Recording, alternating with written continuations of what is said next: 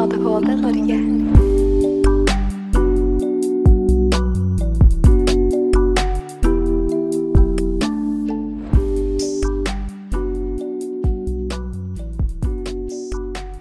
Mennesker med ADHD er sårbare for avhengighet. Det å være avhengig av noe er ofte skambelagt, og det er ikke alltid så lett å be om hjelp. I tillegg er det ikke sikkert at de som skal hjelpe, har den nødvendige kunnskapen. ADHD Norge har med støtte fra Stiftelsen DAM laget en intervjuserie hvor vi belyser ADHD og avhengighet.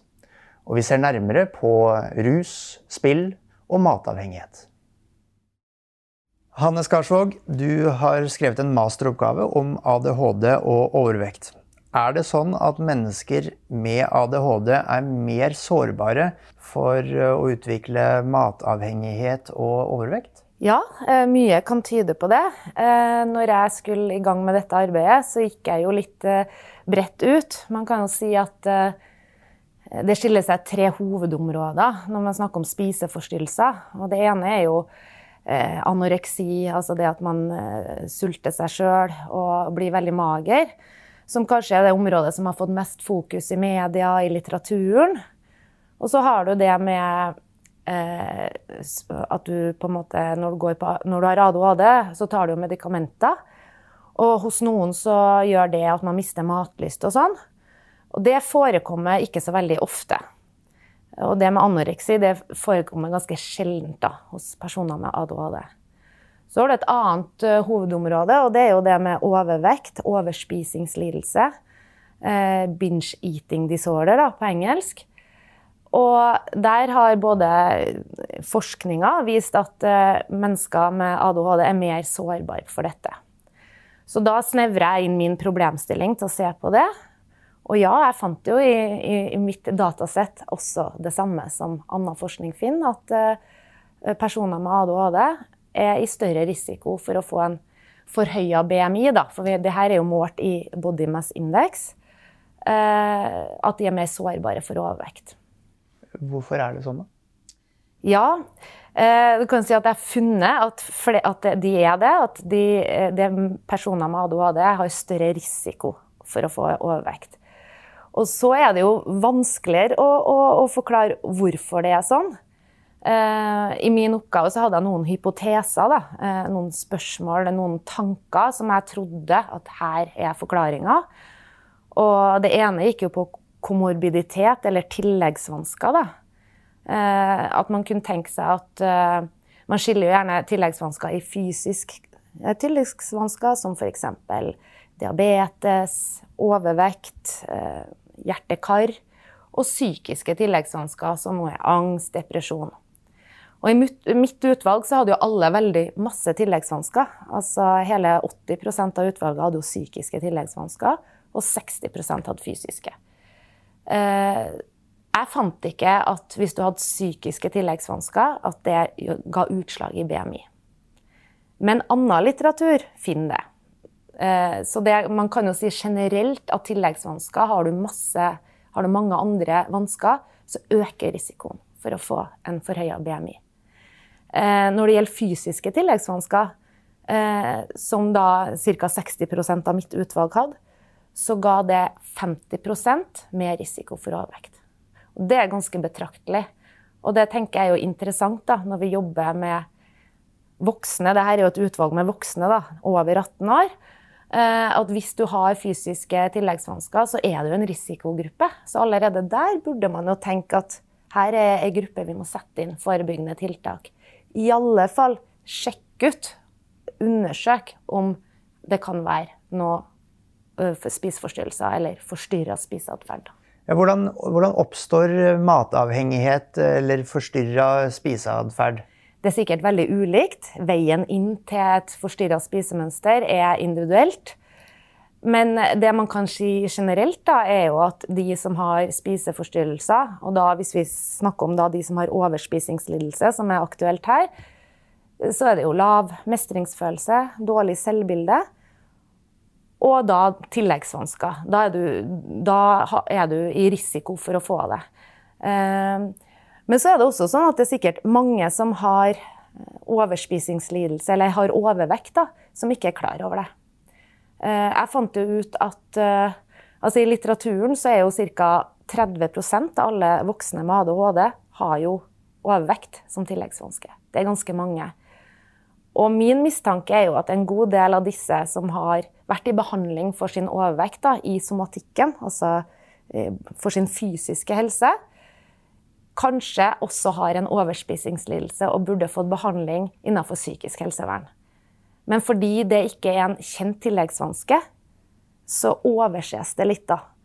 Eh, du kan si retningslinjene som vi jobber ut ifra, og som behandlere jobber ut ifra, der remser man jo opp eh, tilleggsvansker som er vanlige ved ADHD. Og der står det ingenting om spiseforstyrrelser eller overvekt. Men når du leser retningslinjene for personer med spiseforstyrrelse, så står det jo at ADHD er en vanlig tilleggsvanske. Og det er klart, Når man ikke er kjent med det og ikke vet om det, så er det vanskelig å fange det opp. Og, og det kan jo også være mange eh, mennesker som er overvektige, som ikke tenker over, reflekterer over, spesielt hvis du har ADHD, og klarer å knytte til ok, nå spiser jeg fordi jeg ikke har det bra, eller jeg spiser fordi jeg er impulsiv, at jeg ikke klarer å planlegge måltidene mine. Og når du ikke vet det, så søker du heller ikke hjelp for det. Så det er klart det er mange ulike årsaker til det. Og det jeg har sett på, er mer det å fange det opp. Få fanga det opp, sånn at vi kan avdekke det. Ja, altså det er vanskelig å få riktig hjelp. Ja. Er det skambelagt å lide av en overspisningsforstyrrelse? Du kan si at når jeg jobba med denne masteroppgaven, så er det jo sånn som ADHD er jo allerede en diagnose som er knytta mye skam til for mange. Ikke sant? Det er vanskelig Eh, for noen å, å, å vedkjenne seg den diagnosen. Allikevel, selv om det, vi nå kan mye om ADHD. Og, og det er jo litt skummelt å knytte en annen stigmatisert diagnose tettere til ADHD. Det er jo sånne etiske dilemmaer som man må tenke over ikke sant, når man jobber med dette her. Og det er absolutt det. Og det er klart det at når du er overvektig og blir behandla i somatikken da, og får da treningsprogram, dietter du skal følge, som kan være krevende for en med ADHD, som kanskje har problemer med struktur og det, det å planmessighet, da, og det å ikke handle impulsivt. Eh, når man kanskje egentlig skulle jobba med det indre. Ikke sant? Hvorfor er det man på en måte overspiser?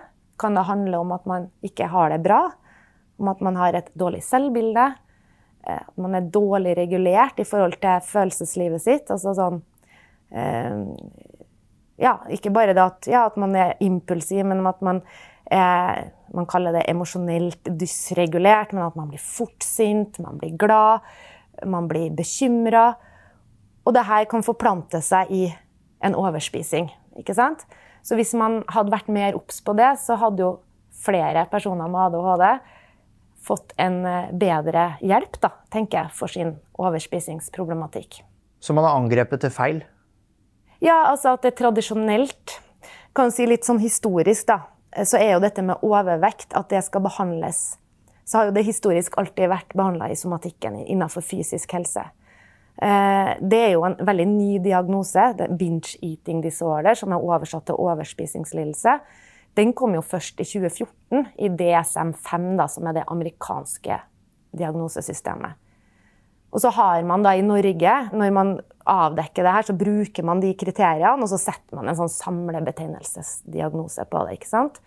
Så det fins jo ikke en diagnose som heter overspisingslidelse i ICD-11, da, nei 10, som er det vi bruker i Norge. Men i 2022 så kommer det.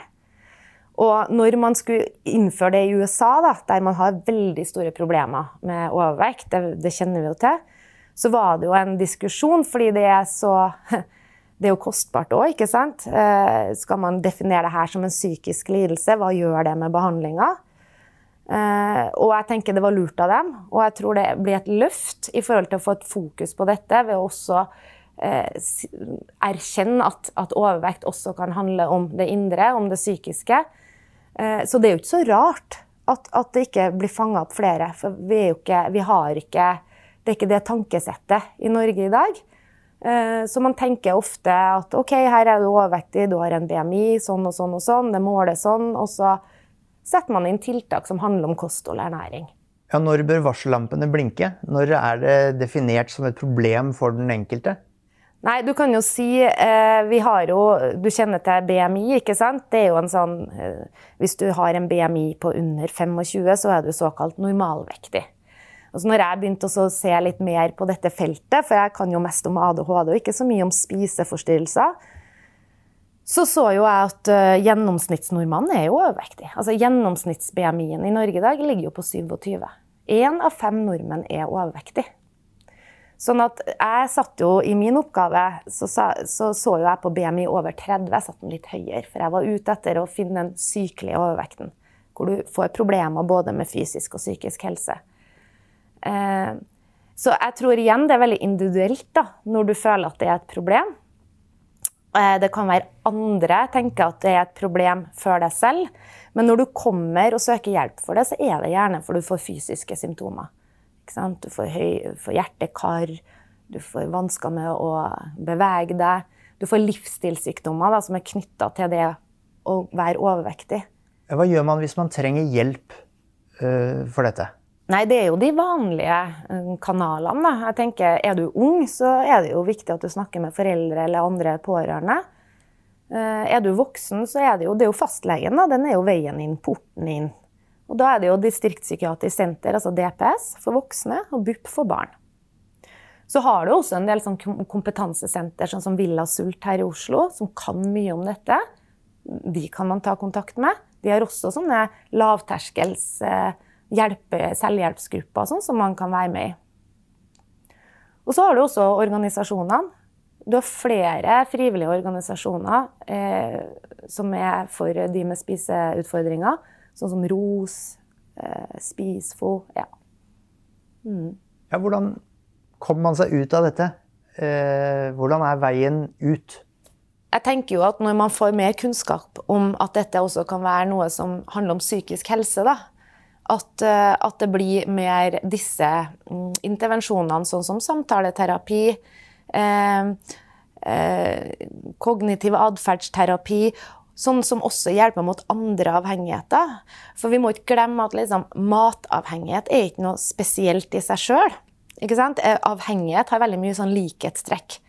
Eh, og det ser man jo på disse som f.eks. tar slankeoperasjoner. At hvis du tar en slankeoperasjon, du hadde en matavhengighet, så bare forplanter avhengigheten seg inn i noe annet, enten alkohol eller spill. ikke sant? At, og det er jo på en måte, tenker jeg, da, veldig opplagt at det handler om hvordan du har det. Eh, for hvis det hadde vært så enkelt at man bare kunne ta en slankeoperasjon, så hadde man jo ikke hatt behov for å begynne med noe annet. Da hadde ikke man fått andre avhengigheter.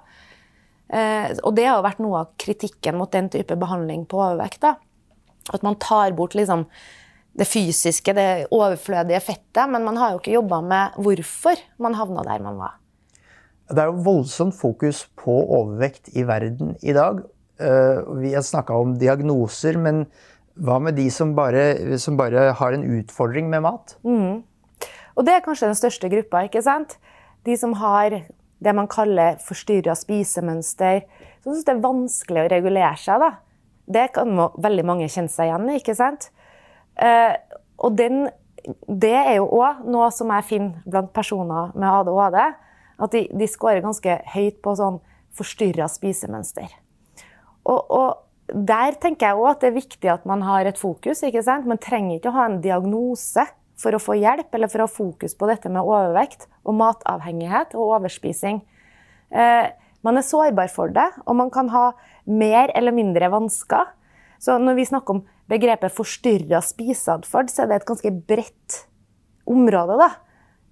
Det kan være perioder. ikke sant? Når du ser på spiseforstyrrelser over et livsløp, så er det ofte sånn at det starter med en anoreksi. ikke sant? Og så det, Da trenger du veldig mye selvdisiplin for å leve sånn. ikke sant? Så går det gjerne over i en liksom bulimetisk atferd. Og så kanskje man blir friskere. Man blir kvitt liksom problemene sine. Og i voksen alder så ser man at veldig mange begynner å overspise igjen. Og uten at, de, at, man har en diagnose av den grunn, men at man har et usunt spisemønster. Så bare det å ha fokus på det, det, at det kan forklares med at du har det vanskelig, Og ikke at du bare er litt eh, eh, At du blir så lett frista, at du ikke har eh, selvdisiplin. ikke sant? Eh, du må jo bare være litt flinkere og ta litt bedre valg når du er og handler eller når du eh, er ute og spiser. Det handler om følelsene våre, det å ha få forstyrra spisemønster. Så det er veldig viktig å ha med seg i møte med personer med ADHD. Du hører nå på ADHD Norge.